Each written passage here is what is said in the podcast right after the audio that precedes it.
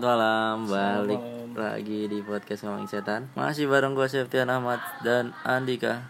Andika Brahma Putra. Mantap. Jadi malam ini Gue gak tau nih episode berapa ntar ada di judul. Adalah Ini dik. Kita bahas gunung-gunung yang Angker. terkenal angker atau daya mistisnya gede Kuat. kali ya. Oke, Nah, Kita mantap. tadi Gue sama Andika tadi udah nyari-nyari browsing-browsing Terus dapet di blog.mraladin.com Betul. Jadi nanti kita bakal eh, bacain menurut versinya si Mr. Aladin. Saladin. Terus nanti beberapa di di terakhir-terakhir kita bakal tambahin dari versi kita masing-masing gitu kali ya Ding ya. Kalau misalkan ada cerita dari lu apa dari gua. Tapi lu sebelum pernah naik gunung gak? Gua jujur belum pernah. Gue pernah naik gunung, tapi ini hitungannya gue nggak tahu nggak tahu ini gunung apa bukit ya. Ada yang bilang soalnya ledek-ledekannya bukit pak. Gue dulu naik Papandayan. Papandayan gunung hitungannya. Hitungannya gunung kan. Gunung Papandayan. Ayo kalau bercanda anak gunung tuh ah Papandayan mah bukit gitu gua emang gue seneng naik gunung dari zaman SMP gue udah mulai ke Gunung Sahari tuh Enggak, bukan gunung. Jakarta Pusat gue udah mulai gunung, situ oh, Itu daerah namanya. habis itu naik ke Gunung Agung gue Gunung Agung. beli Di buku lantai 4 Ah. Gunung Agung. Gunung Agung habis itu baru ke Gunung Sindur Gunung Sindur baru Gunung Papandayan. ada juga Gunung Kapur deh lu tau Gunung Kapur gak sih? Di mana Gunung Kapur? Gua pernah denger sih. Daerah nggak Parung. Dia itu pemandian air panas Oh iya iya. yang buat Yang ini pengob- pengobatan penyakit kulit Dia yang ada kayak bolong-bolongan tuh sudah iya panas sih bukan sih? iya benar Gue pernah lihat dari teman gue sih. itu dia kan belerang tuh air Ah. belerang jadi berenang bareng tuh lu ntar bisa nyembuhin penyakit Tapi gua nggak tahu nyembuhin nggak tahu nuker ya bisa jadi nuker cuy. lu turun panu pulang koreng kan bisa jadi ya kan? Panunya sembuh, pulangnya koreng koreng dari orang lain ya kan bisa jadi Jadi tuh. Namanya nyebur bareng-bareng ya kan Iya. jadi yang pertama nih di dari Mr. Aladin ada namanya Gunung Lau Hmm. nah ini beberapa orang percaya bahwa gunung yang satu ini adalah tempat paling angker di Indonesia Oke. bisa jadi sih ya karena Bisa banyak kisah-kisah kalau TPU Jeruk Purut sama rumah kentang mah lewat ya Jeruk Purut mah sepi bray asik sombong Iya gitu Soto ini. Sombong mantap, banget. Mantap, mantap. Gunung Lau sudah lama dikenal sebagai pusatnya kegiatan ritual masyarakat Jogja dan sekitarnya Hmm. Ini kemungkinan karena Gunung Lau dipercaya sebagai tempat meninggalnya Raja Majapahit Prabu Brawijaya ya benar karena ada petilasannya Prabu, Hmm. Prabu Brawijaya. Brawijaya. terus dia mengutus Patih atau siapanya yang sekarang jadi Su- Sunan Lau eh Oh, ini eh, eh, Eyang Sunan Lawu itu ya. Eyang Lawu. Eh, Eyang Lau itu kok Sunan sih Eyang Eyang Lau yang menjaga gunung itu sekarang itu kalau nggak salah patihnya dah kalau nggak salah atau atau siapanya dari Prabu Brawijaya tadi Oke. jadi kalau misalkan ada peringatan ada ada apa itu katanya kalau yang baik-baik ya tentunya atau yang berniat baik itu katanya datangnya dari si Eyang Lau itu Hmm. mungkin tapi di Gunung Lau jangan salah di Gunung Lau ini jin-jin yang apa coro-coronya juga di itu bisa nyerupain si Eyang Lau Oh, jadi menipu ya mereka. ya? menipu karena banyak orang yang coba-coba manggil si Eyang Lau ini Tapi yang masuk jin-jin lain oh, karena si Eyang ini kan bukan orang sembarangan dong iya, iya lah, lu siapa manggil-manggil ya? nah manggilnya butuh butuh satu mau il keilmuan yang Iya, tinggi, keilmuan tinggi, terus yang koneksi bagus juga Betul, betul. pokoknya nggak bisa sembarangan lu manggil-manggil gitu apalagi sampai dia masuk ke badan orang terus ngomong gitu waduh itu kan Nggak sembarang orang, Bro. Nah, udah mah nanti yang mediator pasti mengalami tekanan fisik yang lumayan besar kan itu kan energinya nggak nggak nggak sedikit gitu. Di Gunung Lahu juga emang kalau dikatakan angker Hmm. iya tapi kalau paling angker gua nggak ngerti juga sih pergunungan yang tinggi-tinggi gitu gua nggak tahu juga. Cuman kayaknya kalau yang paling angker kayak masih banyak kali ya Masih tempat di Indonesia paling angker Heeh. di Gunung Lahu jadi kan yang apa ada istilah pasar setan Ah iya, pasar setan. mitosnya di pasar setan kalau misalkan ada yang bisikin lu Hmm. mau beli apa Hmm. atau pakai bahasa Jawa misalkan eh ya menanyakan lu mau beli apa gitu dalam bahasa apa pun lu langsung buru-buru keluarin duit Oh iya, gue pernah dengar tuh. Lu mitosnya buang kan duit kan. buang duit terus lu ambil sesuatu dari situ Heeh. entah daun entah batu Heeh. ya kan heeh. nanti dia bakal kasih kembalian banyak tuh dik Oh. Oh, kalau bagian kembaliannya gue gak pernah dengar, cuma katanya kasih kembalian biar aman aja gitu maksudnya. iya itu itu juga. Tapi katanya kalau ini kadang-kadang yang beruntung dapat dikasih kembalian. Hmm. kalau yang suwe duitnya kurang. Gitu. namanya orang dagang Iya ya kan? Kalau adanya ATM doang gimana sih dompet? Iya juga. Terus eh ini men- kisah kemarin meninggalnya oh si Alfi. Alfi. Alfi yang hilang Hmm, selama berhari sampai sekarang belum ditemuin ya? Belum. Jasadnya. Karena ya banyak versi yang mengatakan ini itu ini itu. Diambil positifnya aja jangan ya dari kejadian-kejadian gitu kan kita jadi belajar kalau misalkan Betul. namanya di gunung Hmm. namanya di di alam yang terlalu terbuka gitu yang nggak ada manusianya otomatis itu jadi tempat tinggalnya para hewan liar sama Hewan liar sama jin. jin karena kan mereka udah milih tempat yang sepi dong Hmm, pasti nah kita kan ke sono nih Hmm. mau main mau apa mau apa mau sekedar jalan-jalan ya sudah sepantasnya kalau kita bertingkah laku sopan-sopan atau normal-normal betul. aja dah nggak usah Ah. aneh-aneh gitu ya baca doa lah juga Eh, eh, mungkin lu respect dengan lu berlaku sopan seperti kayak lu ketemu orang tua lu atau gimana ya udah biasa aja gitu. Hmm. buang sampah jangan sembarangan. Betul. kan katanya kalau anak gunung ada tuh ininya apa aja tuh? Quotes quotesnya Oh, jangan iya. meninggalkan apa pun selain jejak, eh, gitu-gitu jangan jangan. ngambil apa pun. Tujuan utama naik gunung adalah untuk pulang jadi Oke. gitulah itu bagus juga tuh. jangan memaksain mungkin gitu kali ya. Mungkin. Jangan jadiin puncak tuh tujuan. Ah. tujuan lo adalah pulang. Itu. Di jadi di gunung udah sepantasnya lu bertingkah laku manusia dah gitu yang sopan yang jaga kebersihan. Hmm. karena satu mah itu alamnya masih bagus jangan sampai lu kotorin. Jangan rusak lah ini. Nah terus omongan-omongan kasar segala macam itu kan sebenarnya di mana pun juga nggak boleh nggak kan. boleh.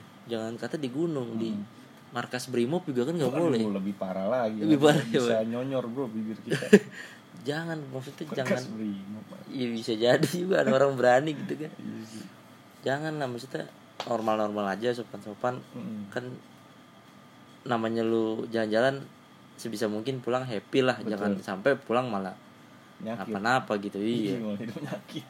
Penyakit kan. Nah itu kemarin soal kasus meninggal Alfi juga banyak kontroversi tuh. Katanya Hmm. si Alfinya gimana lah gimana lah gitu.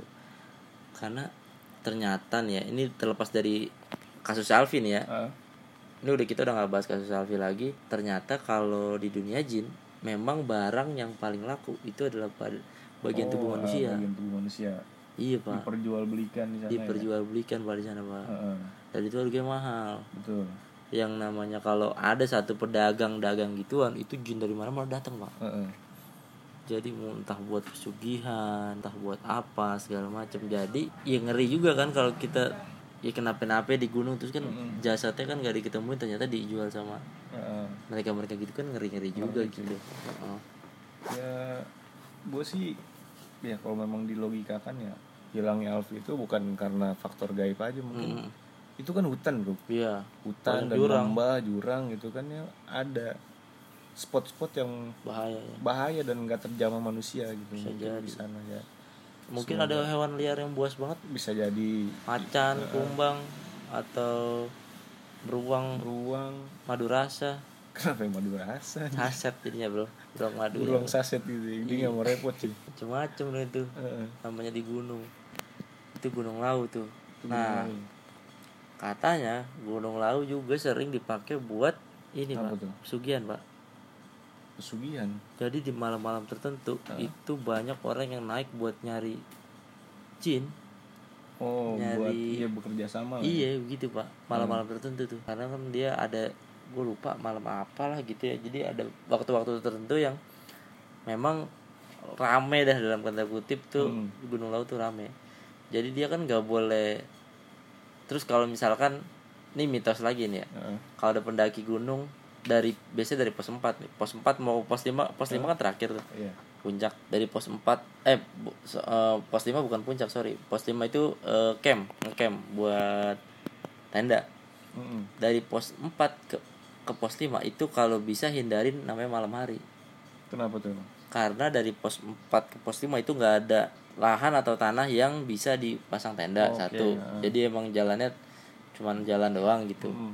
Terus kedua emang spot paling angker katanya di oh di antara pos itu? Iya trek situ perjalanan situ Oke. pak selain di tanjatan setan tuh yang katanya kanan kirinya pasar ternyata. Heeh. nah, itu juga bahaya juga cuman sebisa mungkin katanya sih mitosnya kalau bisa sore udah nyampe pos 5 deh gitu. Jadi lu atur atur waktunya bagaimana. Jadi bu- tips buat yang mau naik gunung juga Heeh. lu harus tahu juga treknya. Betul. berapa lama naik apa segala macam. Terus peraturan peraturan tidak tertulisnya kayak Betul. kayak gitu gitu dah. Jangan malu nanya lah intinya jangan Iya, takut benar. nanya. Tahu-tahu lu naik. Jadi oh ntar kayaknya juga ada juga gunung di bawahnya. Itu tadi gunung lau. Kita ada banyak pantangan juga di sana kan.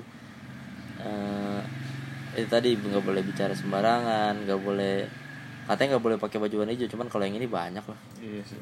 Mendaki grup dengan jumlah anggota ganjil ini juga banyak. Terus juga katanya sering ada pasar setan loh ayo jangan tertarik buat belanja ya iya. Iya. Gimana ceritanya? Gitu. Jadi itu tadi kisah dari Gunung, Lau Lawu. horor juga itu Gunung Lau terus yang kedua dik? Sini yang kedua nih Gunung Salak bro. Bogor nih ya. Bogor ya. Ngomongin Gunung Salak nih ya kita flashback lah ke kejadian Sukhoi Superjet tahun Nabrak tuh ya. 2012 tuh yang nabrak tuh. Nah padahal gunung ini tuh tingginya nggak seberapa nih bro? Cuma 2211 kalau pendek ini salah. hitungannya. Nah, tapi ya entah kenapa tuh pesawat banyak yang kecelakaan di sana gitu. Mungkin kalau laut segitiga bermuda kali ya. Eh, ada ada teori gitu bro. Sempat ada teori gitu. Pernah Iya, dengar iya. mungkin mungkin. Iya, jadi ya ya itu kan gunung Salak apa sih Halimun ya kalau nggak salah namanya? Ya? enggak salah salah Enggak, ada Halimun Salak sih? bukan Halimun ada lagi. Masa sih? ada lagi oh, tuh lain lagi ya? beda, beda lagi Oh, tetanggaan cuy. Tetanggaan, iya, tetanggaan. Halimun Salak. Jadi Mm. yang gue dengar memang ini gunung berkabut terus. Mungkin pesawat itu nggak kelihatan nggak kelihatan. jarak pandang Nah, karena jadi. puncaknya kan juga banyak tuh deh. Gunung banyak Salak. ada puncak apa puncak apa banyak Eh, deh. nah, ya mungkin lagi ke kekalingan kabut.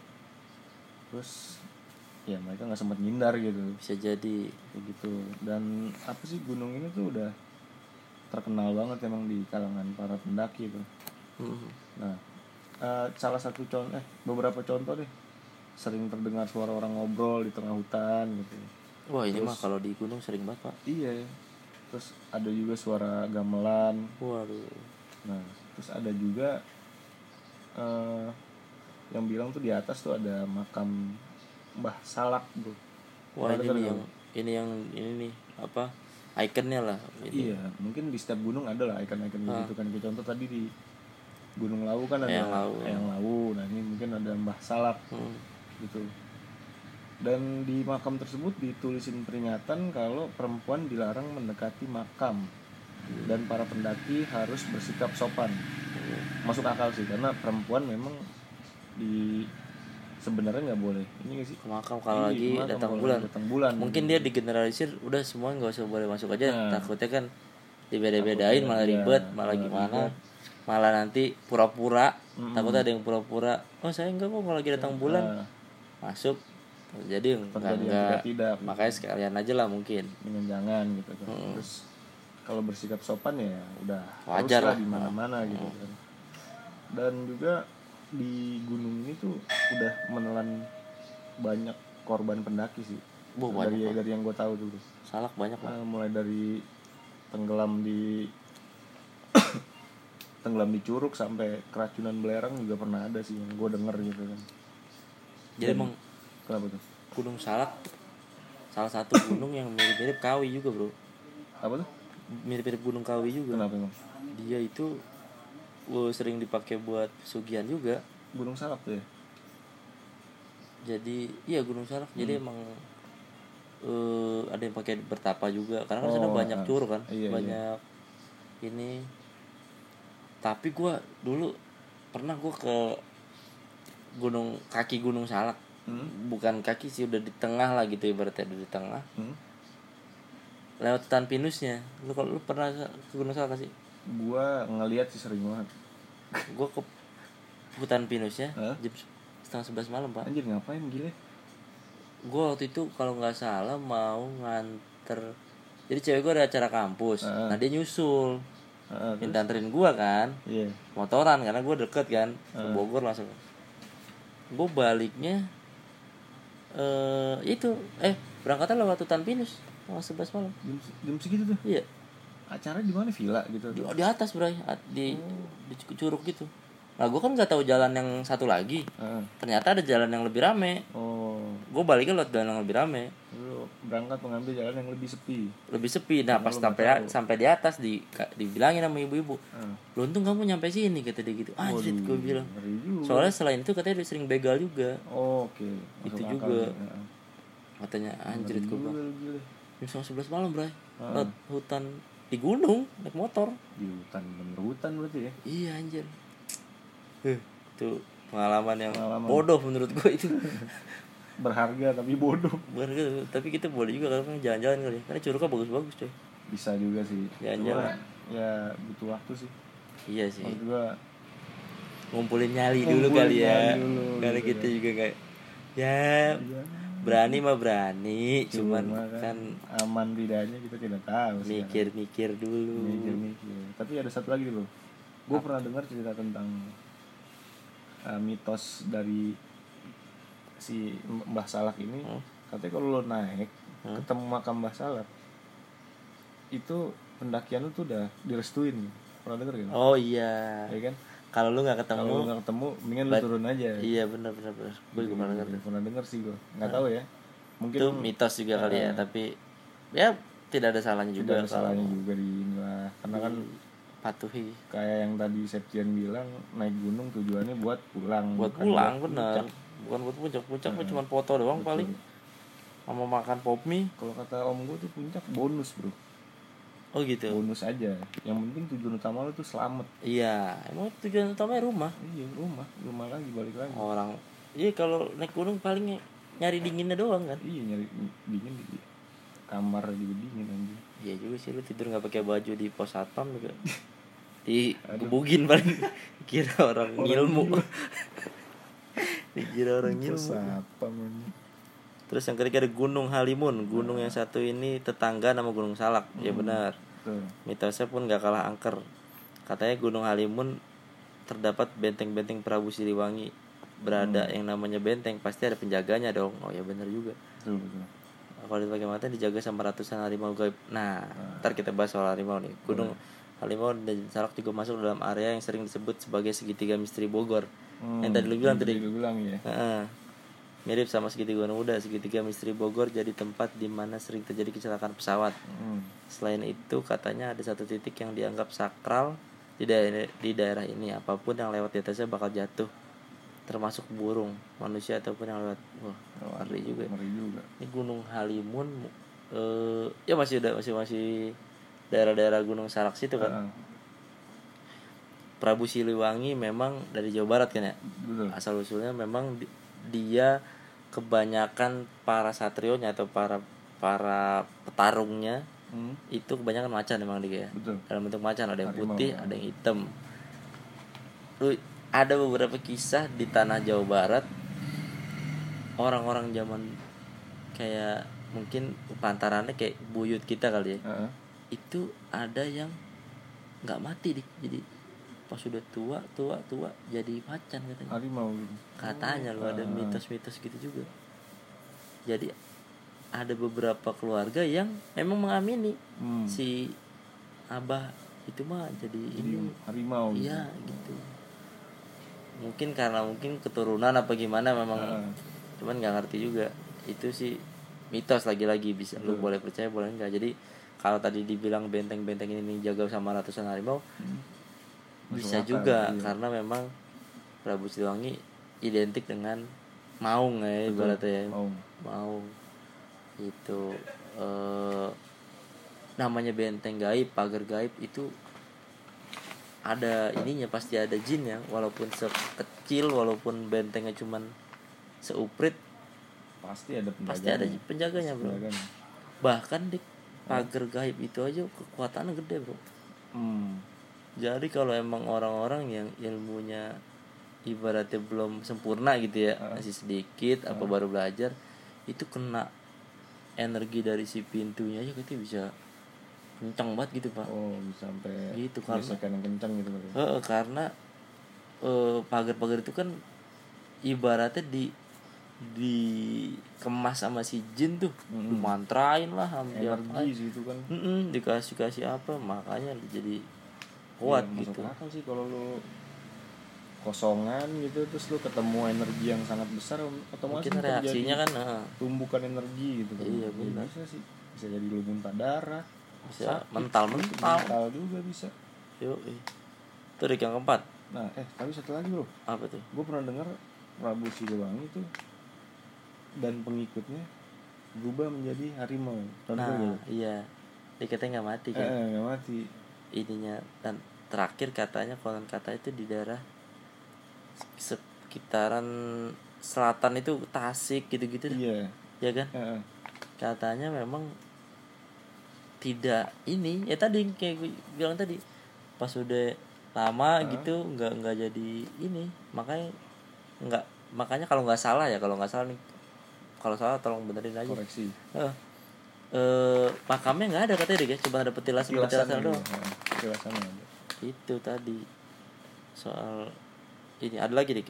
Ada soal lagi nih. Prabu Siliwangi. Eh, oh Prabu Siliwangi Udah. udah sih. Segitu aja yang gue tahu. Lanjut ke gunung nomor 4 Gunung Ciremai. Oke. Siapa yang belum pernah dengar nama gunung yang satu ini? Ketinggiannya kira-kira 3078 mdpl Gunung Ciremai adalah salah satu gunung tertinggi di Pulau Jawa. Oh, iya benar. Makanya gunung ini jadi destinasi wajib para pendaki gunung seantero Jawa. Walaupun sering dikunjungi bukan berarti keangkerannya berkurang. Justru sebaliknya 8 eh dari 8 pos yang ada di sini tiga di antaranya terkenal sebagai spot terangker Gunung Ciremai. Wah, mantap nih. Pos angker pertama kemungkinan bakal mendengar suara derap kaki kuda di tengah hutan katanya itu kuda-kuda tentara Jepang yang meninggal di sini. Oh gue pernah denger tuh pos kuburan kuda. Iya pos kuburan kuda kalau bener. kalau nggak salah tuh memang nggak boleh. Kemah di situ tuh. Nggak bisa emang biasanya Nggak kayak yang tempat-tempat gitu Ah. jadi pernah gue pernah denger cerita juga sih. Ada yang harus kemah di situ mau nggak mau Mau nggak mau. Eh, mau nggak mau karena kondisi hujan atau kemalaman apa gitu.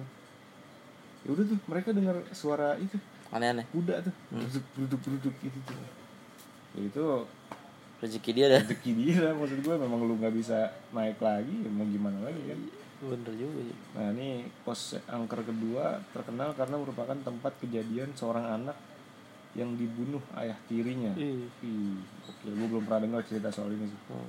Terus pos yang ketiga tempat pembuangan para tawanan perang pas masa penjajahan Jepang. Itu. Maka sebelum mendaki gunung ini pastikan lo udah siap lahir batin.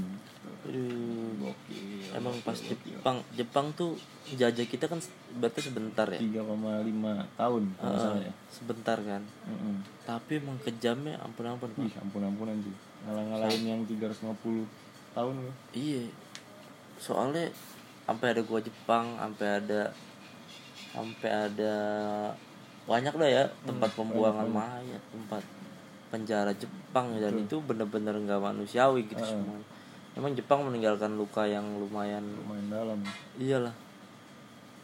Eh soal tadi gunung apa Ciremai ya memang selain ada beberapa pos yang tidak boleh di apa namanya ke camp karena angker mungkin tempat itu sering longsor gitu kali dia Bisa kalau mau dilihat dari ah, sisi dilihat dari sisi ya. manusianya gitu mungkin dia Sering. apa licin. Kontur tanahnya nggak bagus Ah, atau apa mungkin banyak akar. Kan susah Ah, tuh susah. kalau banyak akar. Atau malah mungkin danau. Nggak boleh makanya. So, ke camp di air kan. pos di danau Nah, gimana nggak nyebrang danau dong bro, bro. jangan. Kalau kayak gitu kan Jangan. susah juga. Susah cuy. Kasian. Itu Gunung Ciremai. Tapi Gunung Ah. Ciremai sih kayaknya kurang ini dah apa tuh? Sama Gunung Gede. Banyakan mitosnya Gunung Gede kalau nggak salah ya kalau Tapi- itu masuk. gue tuh kalau ke Brebes ya hmm? naik kereta tuh ngelewatin tuh Gunung Ciremai itu Iya. ya gede banget memang tuh Hmm. gue nggak tahu gue merinding bro ngeliat itu bro. Iya. Iya dibandingkan ya gue kan ada juga Gunung Selamet. Hmm, selamat Nah, nggak merinding gue setiap ngeliat Gunung Ciremai entah kenapa gue merinding nggak tahu sih. Kalau nggak salah dia kan naiknya udah start pendakian lu terakhir naik kendaraan itu kan udah lumayan tinggi tuh Heeh. jadi jalur lu nanjak tuh nggak nggak panjang emang dia tinggi 3000 cuman Oh, startnya startnya mm-mm, karena kan kalau naik gunung gitu. yang naik gunung tuh yang dihitung start lu nya Mm. bukan dari ketinggian dari muka laut apa itu. perm- eh, di atas permukaan laut itu dan terakhirnya ada Gunung Merapi ini di Yogyakarta ya Mbak Marijan. Mm-mm. Nah, ntar mungkin lu tambah-nambahin dikit ya Boleh, sambil boleh. karena soal lu kemarin kan baru betul. pulang tuh dari Jatinegara. Nggak ada negara dong. Bukan ya? Jadi ini ikonnya udah nggak ada lain lah ya the one and only Mbak Marijan. Sama Riza Kukira Mbak Marijan cuman mbah-mbah kuncen biasa tapi ternyata dia emang pas itu meletus ibaratnya itu dia marah dia nggak turun nih pak ya. turun. Tapi istrinya turun apa? Istrinya turun. Istrinya turun dan ada beberapa warga lokal yang memang setia gitu nggak mau turun. Ibaratnya konco kental banget konco ya. kental. Mungkin teman-teman dulu teman-teman ini kayak teman Iya, nongkrong kayak- bareng kali ya teman Iya, ngopi kali. heeh, kayak lu sama gua kali gini. Tapi kalau lu nunggu gua turun sih. Anjing juga lu emang. Iya, gila kalau gue sih biasanya bong-bongin lu dulu. Tungguin bentar ya gue cabut langsung kenapa harus bohong? Mungkin gitu Mbak Marijan.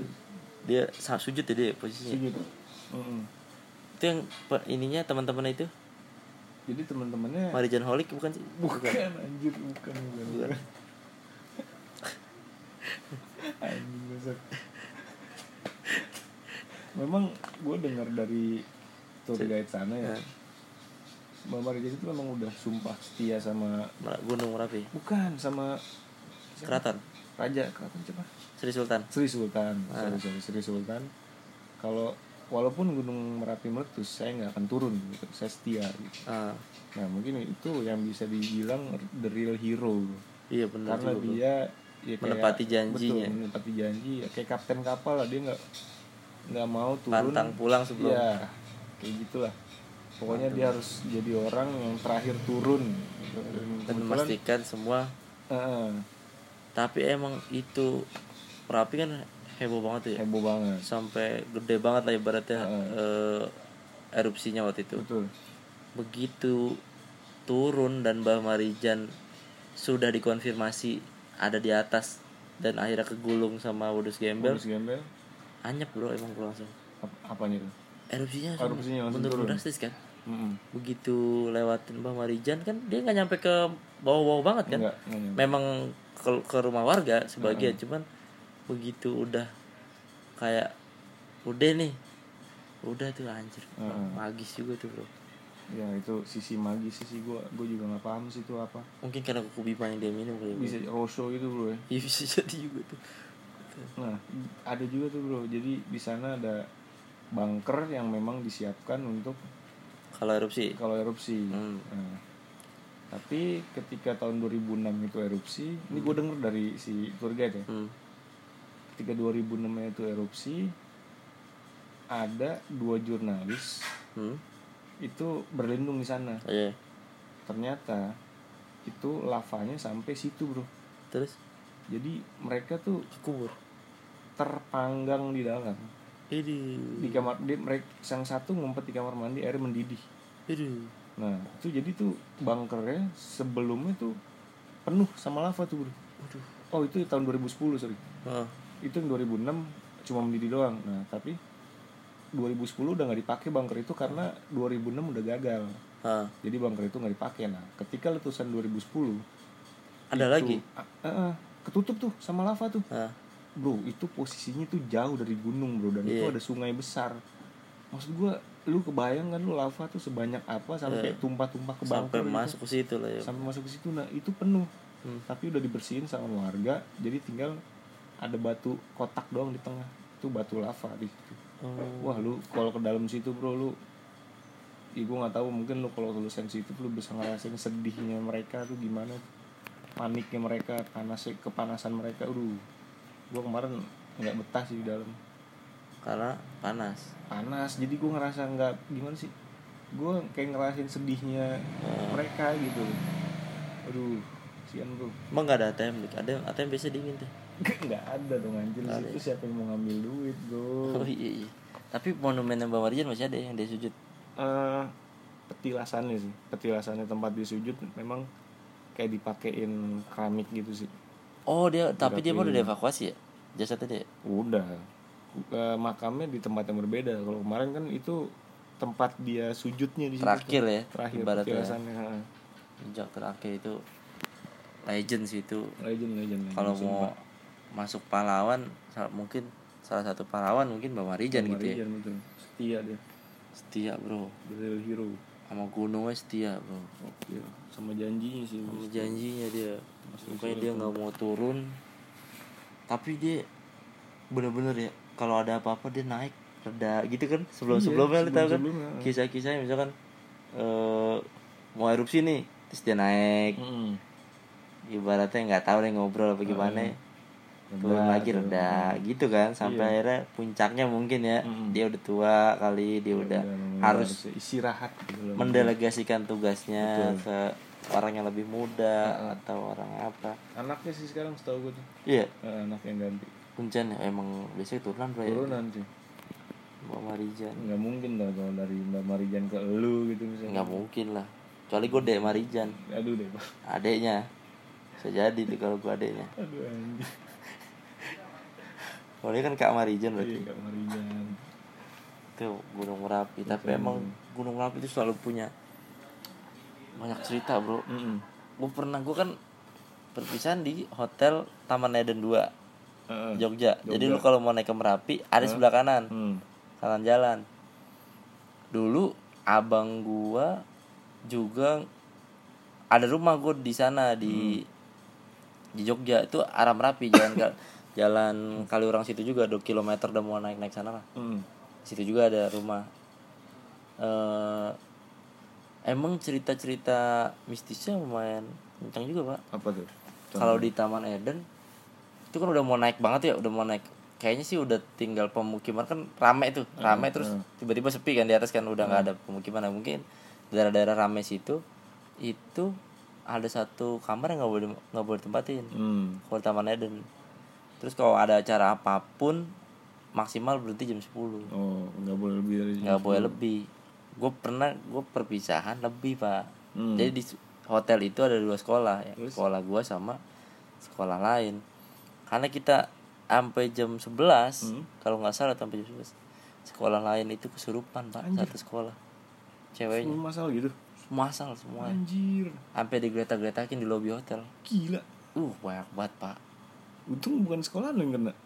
Nah itu dia untungnya ternyata ditelisik lagi. Hmm. sekolah lain ada kuda lumping kuda lumpingnya gitu Oh. pentasnya. Mungkin kan emang buat hiburan hmm. tapi mungkin serius. Nah bisa jadi kan? Kayak gitu. Tuh. Kebablasan. Nah terus ditelisik lagi ternyata mereka ada yang berzina. Di salah satu kamar ternyata murid mereka ada yang begituan pak. Zina begitu ya mungkin lah namanya di gunung ya kan. di tempat sakral gitu di kan. hotel yang terkenal angker juga begituan. Lumayan kayak nggak tempat lain aja bro. Nah bro. mentang-mentang di hotel kali ya. Iya. Hotel kalau hotel lihat ya. hotel dikit. Hotel melati baru kalau kalau hotel begitu ya hotel Cang. di gunung lu udah Nah, udah tahu hotel ada satu kamar yang nggak boleh dibuka. Mm, dibukanya nggak boleh mm. Kan Jangan yang main di situ lagi Ya, j- tidak dong, Tidak itu kan dong. kagak boleh. Kita kan pertanyaan itu, ini kamar Iya. buat apa isinya? Ah, Jangan-jangan emang hilang kuncinya. Bisa jadi kan. kunci hilang Bisa jadi. digembok lagi gembok Nah, digembok dari dalam lagi mungkin. Jadi itu. Nah, gua kan pas lagi kejadian kesurupan masal nih, hmm. cowok-cowoknya yang sekolah lain tuh langsung pada sholat. Ah. Sholat isya jam setengah dua belas tuh. Wah, langsung pada religius kan tuh. yang biasa habis mabok-mabok langsung Nah, sholat anjir Udah langsung sholat semua tuh set. Nah sekolah gua karena kemakan hype-nya menegangkan kayak begitu Eh? Sebagian yang cowok standby nggak pada nggak tidur Iya. yang cewek-cewek langsung pada ngumpul semua tuh kayak misalkan saat yang tadinya satu kamar berempat jadi satu kamar sepuluh oh ramean gitu ya. ramean ramean gitu nah gua karena gue kan gak pernah ke Sugoi sama gitu-gituan ya. Gue beli wedang ronde di bawah di depan hotel. Terus? Ibu-ibunya nyantai dagang biasa seperti tidak ada kejadian apa-apa. Nyantai aja gue beli gue makan kan ya. ngobrol tuh bu. Emang kalau di sini gimana bu? Gue dapet info kalau nggak boleh lewat dari jam 10 dari si ibu itu. Oh. emang mas kalau di sini jangan sampai lewat dari jam 10 kalau Hmm. bisa. Karena berisik kata dia gitu. Iya kalau dia sih. alasannya gitu. Nah berisik mas kata dia. Oh iya juga sih bu. Makannya santai ngobrol-ngobrol tuh di belakang jerit-jerit. Heeh. di belakangku tuh yang cewek-cewek tadi pada wow segala macam. Buset gue bilang. Waduh yang la yang lakinya harus bersolat semua. Anjir. Itu gue makan wedang ronde kayak kayak apa ya? Kayak ngerujak orang lagi perang gitu gue ngerujak aja santai sama ibu itu ngobrol "Mu- kayak udah biasa gitu gue bilang anjrit anjrit ini ibu-ibu beneran mungkin ya? Belum beneran bray. Jualan wedang ronde. Oh. Dia emang nggak tahu emang orangnya santuy dari lahir kali ya mungkin. anaknya sans banget. Anjrit gue bilang. Itu pedagang-pedagang lain pedagang aja. Mungkin kayak ah ya biasa, udah biasa gitu kali ya. memang nggak satu dua orang yang gitu bro. Ya juga eh sih. nggak satu dua apa sih? Bisa apa pengunjung gitu. pengunjung gitu mungkin mungkin. Mungkin sebelum sebelumnya ada juga yang petakilan terus kena akibatnya gitu. jadi itu emang merapi emang. Serem bro. Dan salah lu. Apa? Magisnya magis sih kenceng ya? Ini kan? Setiap nah, sudut di Jogja yang ada cerita-cerita sejarahnya emang lumayan mistis. Lu jadi kekeratan kemarin? Gua ke enggak enggak jadi ke, nggak jadi ya? Ke Parangtritis juga gua nggak sempet nggak sempet ya? Karena apa panas bro. Panas banget sumpah. Iya bro. Ih panas banget. Namanya pantai. Parah gue banget. dengar lu akhirnya ke wisata khas Jogja make di Malioboro katanya gua iya gua ke McD Malioboro bro beda Jarang banget. sih. iya ada sesaji kagak dong anjir. KFC KFC KFC Oh, gua. Iya. sama gua ke pasar ini. Klewer Beringharjo Beringharjo makan pasar Klewer di Solo dong. Klewer Solo makan pecel. Sekarang udah ada harganya tuh ya di gerobak-gerobak ya. Ada udah ada sekarang udah nggak dikemplang lagi. Pengamen bro yang nggak nahan bro anjir. Lu duduk bentar pengamen pengamen berapa? banyak bener ada sejuta kali gua ngasih pengamen anjrit. Daftar BSI gitu sekarang deh lu baru makan dikit. Ya ya. Ya ya. ya ya ya sih Anjir. gimana dong Kayak tapi ada kejadian lucu bro kemarin bro goblok banget gua tuh gimana tuh gua ngikutin Google Map sama istri gua Heeh. lu posisi naik mobil naik motor motor gua Naik motor. gua nyewa motor kan Heeh. gua mau ke Beringharjo tuh namanya turis kan gua jarang ke Jogja nggak tahu dong buta jalan nih Oh, gue pakai kacamata terus pakai jaket tuh udah parlente banget. yo gua i. Parlente Set. Lewat mana nih? Oh, ini ikutin jalan lurus nih. Heeh. Ada gerbang, gue masuk, Bro. set Set, gue masuk tuh. Set, ikutin jalan, bet, bet, bet, bet, bet. Pas jalan yang dituju, ujung-ujungnya ada inian, Bro. Di Palang mau Brimob. Heeh. Di Palang Brimob. panik dong kan. Panik, ada pan apa panser gitu kan. Brimob tuh pada ngeliatin gue. Coba tanya gitu. Enggak deh, balik aja deh. Gue ngeri, maksudnya disuruh push up gue soalnya. iya benar juga sih Gue nanya sama tukang sapu. Eh. Pak kalau mau ke Beringharjo ke mana ya Pak? Kok saya diarahin ke sini? Ngapain ke sini Mas? Ini kantor gubernur. iya Demi Allah bro, gue masuk kantor gubernur bro. Cet malu banget gue sumpah demi Allah. sebenarnya Aneh banget, aneh banget. mungkin salah mah enggak cuman malu ya Ih, malu cuy. Iya iya iya Nggak, itu Google-nya disuruh masuk gua. karena emang posisi deketan di Ih dekat emang. Nah lu mungkin salah milih ini kali kendaraan kali lu waktu itu jalan kaki kali milihnya sih. Delman sih kayaknya. nah kalau Delman mungkin boleh lewat situ Anjir aneh banget bro. anjir Gue dijutekin sama satpol pp di situ. Mohon maaf pak satpol pp. untung bener lu nggak ini lu Kalau gue nanya mau up. brimob suruh push up tuh anjir. suruh beli pecel ke depan lu mas belum bisa pecel nih mas mumpung lagi mas 10 nih. iya mumpung mumpung lagi di sini sekalian sampai kan naik motor Kor gue anjir anjir. Kenapa masuk kantor gue Aneh banget, aneh banget sumpah. sumpah. anjrit anjrit gua kalau gua di Jogja nih bro Eh. gua gua itu eh, hari pertama Lebaran Hmm. jadi gua eh, di Wonogiri udah dari Hamin seminggu lah Lebaran gua emang rencana balik hari H Lebaran jadi habis sholat Oh, id Id. siang Salam salaman cabut tuh. cabut gua kan naik pesawat dari Jogja kan Heeh. gua ke Jogja dulu nih soto yang ah gua beli pesawat malam ah Heeh. malam. Biar bisa jalan-jalan nih ibaratnya Iya. sendiri. Dengan bodohnya gue baru inget. Oh iya ya tas gue baju kotor banyak. Nah, ide. Ah gue kirim tiki aja ah. Ya, iya semua. iya Oke. kan? Tanpa sadar nih kalau itu hari hal lebaran Heeh. gue cari tiki terdekat. Set, tutup. Gue tanya pak kalau tiki yang rada gede di sini di mana ya? Gitu. Oh ada. Dikasih tahu tuh. Hmm. bener kasih tahu ketemu tuh dik gue kirim. Terus? Pakaian kotor gue gue kirim nih. Sobat Hmm. ide banget dah gue bilang. Gue kirim di hari pertama lebaran nih. Heeh. jalan Jogja tuh sepi. Heeh, terus? Tuh toko belum pada buka gitu ya. Hmm. terus pas udah nyampe bandara lagi gue baru mikir-mikir. Ini kan hari pertama lebaran ya.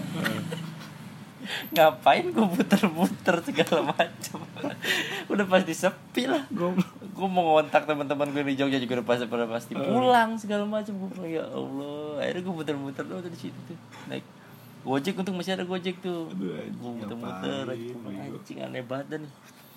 Akhirnya gue makan apa itu ya? Pokoknya ayam buka dah gue masuk dah situ dah. Yang namanya lebaran pak. Gak ada yang buka anjing. Aneh banget gue bilang. Bangsu bangsu Terus kemarin ada juga tuh kejadian tuh. Ya gua gua nggak sebutin nama tempat Tokonya? makannya lah. Pokoknya ada lah mercon. Eh, Heeh. oseng mercon gitu. pas yang mercon Gue makan ber- ber- bertiga nih sama temen gue. Ah. Ya oseng mercon gue nambah ayam sih. Hmm. Nah pas gue mau bayar depan gue tuh ada anak muda gitu bro. Hmm. Gue udah nyediain duit cepet tuh kan. Hmm. Anak muda dua orang. Gue nggak tahu dia makan berapa orang kan. Hmm. Dia nanya, bu ini ini ini berapa? 375 ribu. Nah, Dar gitu gue kaget bro. iya. Dia makan cuma dikit dia aja sampai pucet gue liat tuh. Iya. Nah pas gue tahu dia harganya segitu langsung gue keluarin lagi Iya. gocap. 150 ribu dong. tangan 150. Hitung-hitungan kasar nih ibaratnya. Kasar, ya. Ah, ayam dua. Gak mungkin dong, gak Nggak- cukup. nggak mungkin. Pas gue bayar, berapa bu? 180 bray. 180 Jadi hitung-hitungin seporsi berapa tuh, Dik? Waduh berapa ya? Iya 60.000. 180 bagi tiga lah 60 ribu. 60 ribu Ya Allah, Bray. anjing, Dikemplang. Ampun gue bilang Gila-gila Enggak yang kasihan sih depan gue tuh 375 lu makan oseng mercon bray Gila. Makanya emang kalau di Jogja kalau mau kulen kulineran segala macam lu mending satu kalau misalkan nggak punya teman searching dulu dah Iya yang yang recommended atau yang ketahuan nih Heeh. range harganya. Kadang-kadang emang gitu bray. Tapi tuh rame banget bray. Maksud gue Kalau restoran penipu nggak mungkin gitu lah. Soalnya itu yang ngantri panjang banget. Di Malioboro tukang pecel juga rame bray. Enggak itu ngantrinya bray Sumpah. Sampai berderet Gue tuh kadang-kadang. 5 menitan ngantri. Kadang-kadang tuh yang ngemplang bukan harga tokonya. Apanya? yang dagang dia lihat. Ini orang mana nih? Oh mungkin gue terlalu parlente. Mungkin mungkin lu waktu itu harus pakai dandanan gembel ata Iya, mungkin. mungkin. Anjir. Mungkin. Dan game gak apa yang sangat real itu loh. Nah ini kan gue gak bisa Gue gak bisa bahasa Jawa lah Bahasa Jawa kasar kan gue bisanya. Itu juga dikit-dikit. Maksud gue kalaupun mau nyaru-nyaru jadi orang Jogja gue susah juga cuy. Iya. Ya, mau bahasa isyarat gitu kan nggak nggak bisa mungkin. dibohongin juga kadang-kadang dandanan kita kan. Iya dandanan. Karena ya gue udah biasa ya udah gue mau jalan ya begini gitu iya iya mungkin dia ngeliat patu gua atau ngeliat celana gua gitu atau lu baju tulisan aku anak Jakarta enggak juga dong Enggak ya. anjir. apa plat gue B jangan Nah, kenapa lu bawa motor di sini anjing? Itu ya emang kalau di Jogja emang eh kalau bisa emang cari tempat makan yang Betul. udah ketahuan aja deh. Nah, yang- Sekarang di Malioboro udah dihargai ada ada harga semua sekarang. Hmm. Ada pernah kejadian bule makan pecel sampai 2 juta. anjir Sumpah. juta Oh. Sampai 2 juta. Makan pecel sama apalah tapi gitu. dibayar apa boleh Ya, dibayar dong. itu tuh Tapi dia ngelapor tuh, di Kemplang akhirnya sekarang di iniin kan. nah itu yang ngerusak ngerusak- Pasar. iya pasar maksud gua orang mau makan jadi takut takut Nah. gitu loh padahal kalau lu masang harga yang normal makanan lu enak lu kaya kok lah Pasti rame. jangan nggak usah ngemplang-ngemplang gitu lah makanya kalau orang kadang-kadang aji mumpung kali ya. Iya ji mumpung. Bukan di kota wisata terus jadi ya udah sekalian aja dimahalin. Nah gue penasaran tuh jadi depan gue tuh ada yang makan lagi tuh bro. Ada kira-kira 10 orang lah. Nah. 10 orang 20 orang tuh dandanannya sumpah keren-keren banget gue wah lebih parlente daripada gue dah. Hmm. jauh jauh di atas gue parlente. Gue dia sampai berapa juta nih gue tebak-tebakan kayak 10 juta kali lu malah gak ikutin gak tungguin sampai dia kelar? kagak. Gue karena udah udah kelar sakit hati juga bro maksudnya. Oh iya Ah, udah iya, gondok gua gondok. udah gondok nih gue aduh. 180 bray makan ayam begini doang masa kan? Iya ayam musim mercon Aduh. Tapi gue Ya ngelihat ke bawah lah maksudnya. Masih ada yang lebih parah daripada gue iya juga ya. Ntar ya ntar ya. 375 tapi itu tuh yang 10 orang tuh. Iya itu gue gak tahu mungkin. STNK mobilnya ditahan kan. Mereka naik bis gitu cuy Iya. Naik bis sumpah. Satu bis kecil tuh rame-rame turun makan situ semua tapi emang bangsat bangsat sih. Restoran-restoran di jalur tuh mudik. Wih, itu juga Wih, anjing itu hancur tuh parah. Aku pernah berhenti di ah gue lupa namanya apa. Dari daerah Jawa Barat sih kayaknya masih. Berhenti. Orang kan prasmanan ngambil sendiri tuh. Heeh. set set di ujung dihitung. Iya. Lu tahu kasir yang angkanya warna hijau gak sih? Ah, yang ngadep ke depan Tahu, tahu. kasir lama tuh. Iya. kan masih pakai gituan ya. Heeh. tik tik tik tik tik tik gue nyatin dulu nih. Saat gue perhatiin. Tet habis seratus dua puluh ribu sepiring. Anjir. Langsung aja gue ngambil nasi sama kuah doang sama soto. Habis tiga puluh apa empat puluh ribu gitu. Nasi sama soto doang gue ngambil. Lu bening bening dah bodo amat dah. Gua bilang, anjing. Gue mendingan nasi aja deh. Orang orang tuh ngambil sampai telur kan gitu ya. Orang namanya iya. lengkap ya kan. Telur tempe orek apa gorengan segala macam. Seratus lebih gue bilang anjing nih brengsek Nunggu makan Hana masa sekali ya Iya, anjir. Nambahin seratus ribu lagi Heeh, udah dapet gila lu kadang-kadang ngemplang-ngemplang begitu sih makanya orang nih kenapa McD KFC gede Nah, karena itu Karena itu Harganya udah Pasti. pasti segitu Nah. nah. mungkin McD gak mungkin dikemplang dong lu. nggak mungkin rata Mac. Big Mac Tau-tau 2 juta dua gitu juta, Gimana kan Nggak Gak mungkin. mungkin dong itu karena kalau di McD emang ya udah karena jadi wisatawan nih mau ke kota mana pun pasti nyari, Nyari itu. itu, Karena paling aman cuy paling Sumpah aman lu megang duit Jujur gocap Eh. ya udahlah aku makan apa udah McD deh McD paling dua puluh ribu tiga puluh ribu ya kan Ya atau gocap lah habis lah gitu kan Heeh. Bisa habis-habis itu kena kalau di pecel lu enak makan deg-degan ya Iya, dek-dek. makanya ada yang bilang dan itu masih gue pakai sampai sekarang tanya dulu harganya berapa Iya. seporsi gitu emplang porsi berapa kan Iya. udah deal dealan tuh kalau kayak gitu kan. Kalau perlu rekam bray. Iya. Biar dia ini sendiri kan jadi ngomong keluar dari mulutnya sendiri. Duh, makanya gue harap sih orang-orang itu pada sadar lah. Iyalah bro masa pecel sampai gocap kan kayaknya nggak masuk akal. Merusak citra ya daerah tersebut. Jadi- nggak bilang daerah tertentu ya cuma banyak loh soalnya kayak gitu bro. Bukan karena satu dua daerah. iya jadi apa ya wisatawan kan jadi was was gitu. Was was takutnya gue makan mie ayam ntar geser patok nih. Kenapa geser jual patok? tanah bro. Takutnya ya kan? Anjing geser patok bangsat. Iya kan takutnya gitu. Iya iya iya. Namanya tumpang nggak kira-kira kadang-kadang? Gila gila gila gila. Pecel kocap buset gue bilang. sakit banget hati gue makan toge sampai kenyang sampai kembung ya kayaknya sampai gocap di sini gitu gocap sih dapat satu hektar ya. Iya. gitu tuh kalau di buat wisata itu tadi cerita soal gunung dan sedikit Ah, betul. soal ya internnya itu lah. Iyalah terus soal kota dan makanannya yang eh tapi nggak kesempet ke ini ya? Oh udah sate kelatak? Nggak gue nggak sempet. Lu ngapain aja lu jadi keluar lama dik. Gue hari Jumat tuh kan gue datang Kamis kan. Mm-mm. Kamis tuh gue dijemput temen gue makan di Cengkir. Nah tahu tuh. cengkir. Tuh enak tuh bro makan situ. Iya, Gua pulang enak. gue asep lu. Iya bener. Nasinya kan kita ngambil di gituan tuh tungku yang Heeh. itu wah ngebul banget tuh. Itu enak tuh anglo emang. anjir. Anglo emang ya anglo ya? namanya anglo. Oh anglo iya. Terus hari kedua Jumat gua lavatur tuh di Merapi. Oke. Nah itu balik lagi gua cerita soal mistis Merapi Kenapa? Karena di jalur gua jalan hmm. itu memang gue lihat ada puing-puing rumah cuy. Hmm. sisa Puing-puing sisa sisa-sisa rumah. Ini tadinya kampung mas. Ini tadinya kampung mas. Jadi udah rata Rata. rata, cuy. Rata rata bener. Mata nih tinggal pohon hutan gitu. Hmm. dan katanya memang banyak korban juga di situ gitu. Pasti banyak, pasti banyak cuy. Kalau masih gitu banyak kan? Heeh. dan ada museumnya juga kan Iya, Museum Merapi. museum merapi itu. Sama Iya. kayak di Aceh ada museum tsunami. Iya museum tsunami. Itu Hmm. ada juga jam yang berhenti tepat di saat si Kudus Gembel itu menghantam. Oh. Hmm.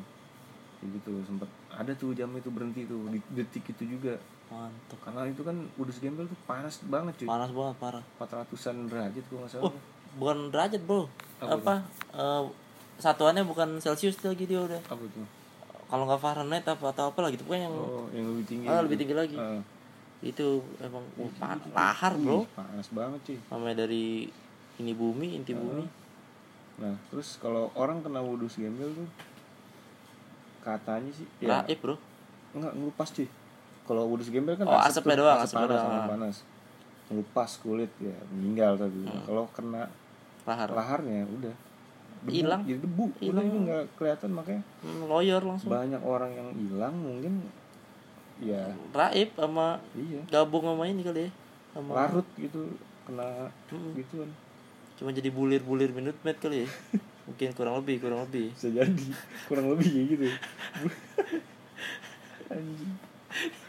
Kenapa bulir-bulir minut Mat, bangsa? iya kan dikit-dikit doang gitu tipis-tipis iya tipis-tipis aja sisaan gigi paling apa-apa mungkin. Kasian bro terus ada lagi yang soal ini? Em, apa lagi ya? Ya paling itu sih ada Merapi itu ya Iya. Kisah-kisah lu di Merapi itu doang sih tadi. Lu nggak ke benteng-benteng gitu apa enggak? Eh, oh benteng gua ke ini. Federberg apa sih itu yang benteng gua malam satu suro di Kiterin tuh? Ada ritual gitu yang deket Mal- Malioboro bukan? Ah ah, nggak jauh dari Malioboro lah pokoknya alun-alun selatan deket alun-alun oh selatan benteng ini. Ah gue lupa namanya. Takeshi ya bu masalah eh Bukan. ada si panglima aja dong. Panglima. ya yang Ka- mulia. kamu bodoh. Ayo manis. Iya benteng itu lah iya itu ya. Nah itu gue sempat ikut sebentar tuh acaranya. Cuma karena ada kemalaman gue memutuskan buat balik. Istirahat. Istirahat. Dan itu memang acara sakral banget sih. iyalah Sakral buat warga banget, lokal lah ya. Buat warga lokal. Katanya sih kepercayaan mereka kalau mereka ikut acara itu dan nggak ngomong sama sekali gitu, sambil berharap sesuatu. sesuatu berkah gitu ya. Insya Allah akan terkabul. Hmm, kayak gitu cuy. Gitu jadi tapi lu beli baju dagadu gua enggak bro. Gua beli baju barong. Anjir. Bali dong Bali. Dong enggak bro gua yang ini yang tipis banget ya baju pantai ini. Tapi adem cuy iya bener. juga sih. Nah langsung ah gue bacain email dari Boleh. Hirma Paramita double A. Halo abang-abang sekalian tetap sehat dan lancar urusannya bang. Amin. Amin amin. Bang jadi sekitar pertengahan 2018 ibuku sakit sampai pindah rumah sakit dua kali. Hmm. baru sembuh. Awalnya sebelum dirawat di rumah sakit di rumah toke. Ah, di rumah kakek kali. Di rumah kakek sering di rumah toke tulisannya. Kakek kali ya. iya mungkin. Panggilan sering banget bunyi waktu oh maksudnya Oh, di, di rumah. toke sering banget bunyi. Mungkin rumah toke ah Lu elah kagak tanda baca sih. Nih. eh, kayak kandang reptil jadinya kayak kandang reptil lu. Ah lu bener-bener. Di rumah toke. Mm-mm, di, di rumah toke sering banget bunyi waktu maghrib. Goblok. kucingku yang terbilang banget males ngeong.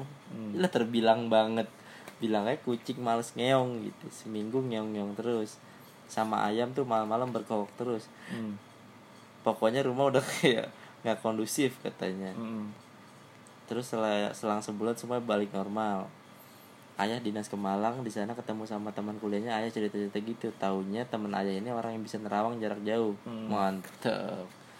Awalnya konfirmasi rumahmu ini depannya ada itunya ke ayah waktu itu fix rumahku teman ayah ini bilang kalau ada yang ngirim sesuatu ke rumah ternyata jelek. Ayah tanya itu kalau mau dibersihin gimana caranya? Terus beliau bilang kalau di Madiun ada orang yang bisa bersihin. Hmm. sepulang dari Malang ayah ngasih tahu ibu masalahnya. Mereka ngiranya itu cuma kiriman dari saingan kerja. Akhirnya mereka pergi ke Madiun nemuin orang yang bisa bersihin diceritain semua terus bapaknya bilang kalau ini yang kena bukan cuma ayah ibu. Ternyata kakek dan buleku juga kena. Mm-mm. ayah ibu dan bule di Rukia bang disuruh mandi di masjid. Tua yang petilasannya di sana ada sumber airnya. Oh minggu depannya si Pak Rukia ini. Oh Pak Rukia. Pak Ruki ya coba dibersihin rumah minta disediain kembang boreh tujuh rupa sama kendi buat medianya. Pak Rukia ini pergi ke pojokan garasi sama ayah yang megang kendinya Pak Rukia ini kayak menggapai sesuatu gitu terus udahannya ngajak ayah balik ke ruang tamu. Di sana tutup kendi dibuka. Itu satu ruangan kaget. Waktu di dalamnya ada pocongan. Wah ini nih. Hmm. Sumpah speechless banget. Nggak percaya kalau rumahku dikirimin begituan. Terus bapak bilang kalau tadi sempat komunikasi sama pocinya sebelum diambil. Katanya pocinya ini suruhan dari kota T. T mungkin Trenggalek bisa jadi. Temanggung Temanggung. Tangerang atau Telkom. Ditanya lagi spesifiknya siapa yang ngirim? Dan jawab dong. Dan hmm. yang ngirim ternyata tangga rumahnya cuma terpaut sepetak. Hah? Yo. yang masih ada hubungan saudara anjir ya kalau ada apa-apa minta tolongnya ke ayah atau ibu.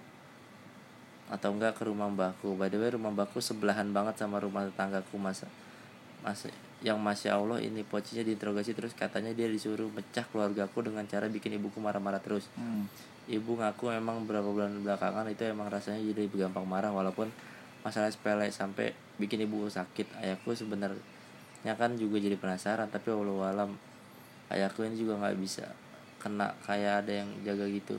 Oh dari situ ayahku tahu kalau misalkan ada yang jaga terus paruh kayak ini kayak ngambil sesuatu dari halaman rumah semacam batu gitu bang. Disuruh dibuat kalung dan cincin terus dipakai terus aja di, langsung penarikan benda aja. Oh, ikan nyata tuh. Mm, Pak Rukianya ini tanya ini bilangnya mau dibuang aja atau dikembaliin. Malamnya aku suruh nemenin ayah buang kendinya dilempar ke sungai dari atas jembatan sampai kendinya pecah dan alhamdulillah sekarang kayak Pak Rukiah rumahku udah bersih kata Pak Rukiah Kata Pak Ruki. cuma disuruh was saja kalau dikasih makanan dari tetanggaku. Berangkat dari cerita itu aku mau tanya nih bang. Hmm. yang pertama mereka tetanggaku tahu nggak kalau kirimannya udah dibersihin dari rumahku terus begituan tuh bisa balik ke mereka sendiri nggak sih bang? Eh, bisa greget banget sama tetanggaku udah dibaikin cuma karena masalah tanah warisan bisa bisanya begitu ke keluarga. Sama kalau kiriman udah dibersihin sama dibuang bisa ngefek ke pengirim nggak bang? Makasih banget bang. Maaf emailnya panjang. Sukses terus. Podcastnya bang. Salam kue tiaw. Send from my Samsung Galaxy S6 Edge Nggak on the Telstra gitu, Mobile gila. Network. Mantap. Tadi pertanyaannya. Mungkin kita jawab foto-foto aja Boleh, nih ya. Boleh. kita kan sama-sama nggak tahu nih mungkin ya ini mah yang berdasarkan yang pengalaman yang pernah gue baca atau pernah gue dapet dari orang lain aja. Hmm. kalau misalkan ada orang dikirimin Ah. terus kita buang tuh ibaratnya kita Hmm. sikat gitu. Hmm. kira-kira pengiriman tahu nggak tuh? Tahu pasti tahu. Pertanyaan pertama kejawab tahu. Dan Pasti memang tahu. tahu. Memang tahu. Menurut beberapa orang yang memang punya keahlian juga gue nanya memang sesuatu misalkan orang ngirimin santet lah ibaratnya ya ke kita kita nggak balikin nih cuman kita bunuh di tempat gitu. Ibaratnya kita sikat hilangin di tempat Hmm. pengirimnya tahu. Tahu pasti. Karena itu sifatnya jin. Betul. Jin kalau misalkan disuruh pergi sama orang atau diutus untuk ke suatu ke tempat sesuatu, gitu begitu ada terjadi apa apa pasti yang ngirim berasa lah ibaratnya gitu Hmm. itu tadi. Tahu nggak kalau rumah kalau itu tahu. Terus gituan tuh bisa balik ke mereka nggak sih? Bisa nggak deh Ba ya. Ada kemungkinan karma bisa. iya ada kemungkinan bisa. Karena kak gue pernah dapat cerita dari guru gue dia pernah dikerjain cuy mau Hmm. gitu. Dan mungkin dia ada amalan tertentu yang dibaca sama dia. Mm, besoknya yang ngerjain meninggal Uh. berapa hari kemudian. Balik berarti ya? balik balik. Padahal dia nggak ada niatan balikin tuh. Dia Hmm, cuma doa dan katanya doa tersebut ya mengandung amalan apalah. Gitu balik ya. Balik. Jadi dan yang emang gue tahu dik itu bisa dibalikin. Tapi alangkah lebih bijaknya kalau kita dijahatin udah nggak usah balas. dia fokus penyembuhan kata Mas Andi. Nah fokus, Fokus kita ke kita aja sama ke keluarga kita. ibaratnya ya. Jangan ke buat nyakitin orang lain.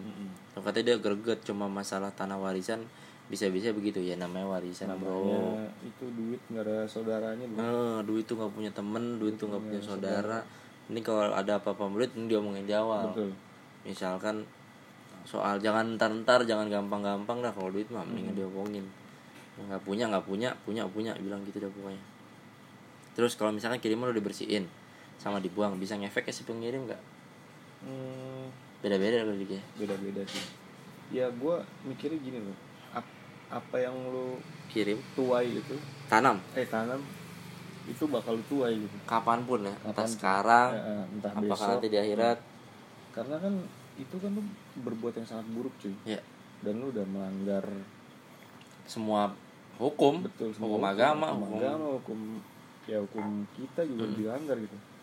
Lu pasti akan mendapat ya Balasannya pasti akan balasannya cepat atau lambat yakin gue gitu. Nah kan kalau misalkan soal bisa ngefek apa enggak sih ke, ke si pengirim beda-beda. Kalau misalkan jin itu kuat atau merasa eh, punya kelebihan atau gimana begitu kita hancurin sendiri bisa Hmm. jadi efeknya ke dia. Efeknya tuh bisa Iya. macam-macam bisa dia kaget bisa Iya. dia berasa bisa darah dia bisa juga. bisa jadi sampai hal-hal ekstrim. Itu tadi soal eh, ya soal kirim mengirim ya Hmm, soal SMS-an segala macam enggak kayak SMS bangsa ah saling SMS-an? kirim saling kirim kan? Kirim santet ini bentukannya pocong pocongan nih gue curiga nih kayaknya ini nih bro bangsa. apa tuh? Bondo mayat nih kayaknya nih. Hmm. yang efeknya emang oh yang cepat itu? Uh, uh, kayaknya ya. Atau yang itu kan macam-macam. ini cuma buat mecahin doang kan? Iya sih terus dikirimnya pocong. Iya. Oh, masuk akal berarti ini tuh pocong namanya mau lu mau ibaratnya dari pocong lu harus ngambil aset dari dia kan entah kainnya lu Hmm. Oh, ambil dikit iya. talinya nah ini kan Betul. ketemunya pocongan Ketemu, nih ah. itu berarti pasti diambil dari siapa Salah, gitu ya. Heeh. salah satu bendanya lah Ah, dibaca-bacain Iya. set kekunci deh tuh betul itu jadi ya lebih berhati-hati aja buat keluarganya alhamdulillah kalau misalkan sekarang udah nggak terjadi apa-apa udah aman-aman aja eh tetap saling kompak yang penting ya Betul. biar komunikasi komunikasi soal tadi kan tuh dia sampai hampir dipecah tuh Ah, ah. soal ibunya bikin marah mulu segala Hmm. yang mungkin komunikasinya lebih di pererat lagi Pererat, lebih di ya. hubungan sama keluarga segala macam biar sampai jangan sampai ada masalah-masalah kecil jadi besar. langsung marah Betul, gitu besar, langsung mungkin itu kan jadi bisa menghambat energi-energi lain buat Betul. kalau kita energinya positif satu rumah kan insya Allah nggak bakal inilah Hmm. bakal kalah gitu energinya. Pokoknya apa pun agama lu jangan lupa berdoa. Itu betul. Berdoa menurut kepercayaan dan agama masing-masing. Kalau lu menyembah kaleng pokari silakan. Menyembah. Oh. lele. Gitu. nah kangkung layu. Ah lu bisa juga. Kalau lu nyembah kangkung layu. Kangkung layu. Spesialis bro. Itu. Terus kalau misalkan dapat kiriman nih suwe-suwe amit-amit gitu ya. Ah, dapat kiriman udah jangan jangan dibalikin Jangan gitu. dibalikin. udah kita cari orang yang benar cari orang yang mengerti udah minta tolong dihilangin aja. Karena kalau lu balikin tuh menjadi lingkaran setan tuh. Nggak kelar kelar bro. Nggak kelar kelar Lu ngirim, dia ngirim, dia ngirim, ngirim. Lu lu mending- dapet dosanya cuy. Hmm, mending lu kirim stiker lewat WhatsApp. Bisa nggak lu yang aman-aman aja kan nah. Nggak usah kirim kirim emoticon WhatsApp atau Nah. apa. gitu. Ya udah itu paling tadi emailnya terima kasih si Hani apa Hami tadi tadi hanya dua gue tadi dulu iya belakangnya Hirma Firma. oh bukan Irma, terima kasih Irma atas emailnya. Eh, jangan lupa di follow IG-nya at Andika Pradana apa? Pradana Dika Pradana Andika. Kalau dia mau ngirim-ngirim cerita boleh di DM, boleh di email. boleh boleh Kalau misalkan lu senang, di share lah. Tungguin konten dari Hey Halo. eh halo Kue Tiau kita syuting terus, aman, pokoknya enjoy. Mhm. Jangan sampai Ih, kita juga bukan berarti kita nggak mikirin teman-teman yang sering nonton ya Dik ya Iya. karena kan kita juga teruslah bikin konten apa kayak kue tiaw kue tiaw udah ya kan Mhm. kita mungkin mau review agar-agar kali ya agar sih rencana gue Ah, agar abang-abang tuh yang di SD tuh gitu oh lu masang ayam dulu pak lu Nah. masang masang dulu gope baru dapet Pak. anjir. yang pakai susu atas. Itu katro banget aja. ini kalau yang sekolah di sekolahan murah doang nih ada begini-beginian nih. Kalau yang sekolah mahal nggak ada nih anjir. Yang pasang gambaran begitu dibuka Impress cocok. ya? Heeh, anjing. SD impress tuh biasa gua tuh dulu SD impress aja gue juga eh enggak deh gue SD swasta Lu MI ya IKKT gue apa tuh?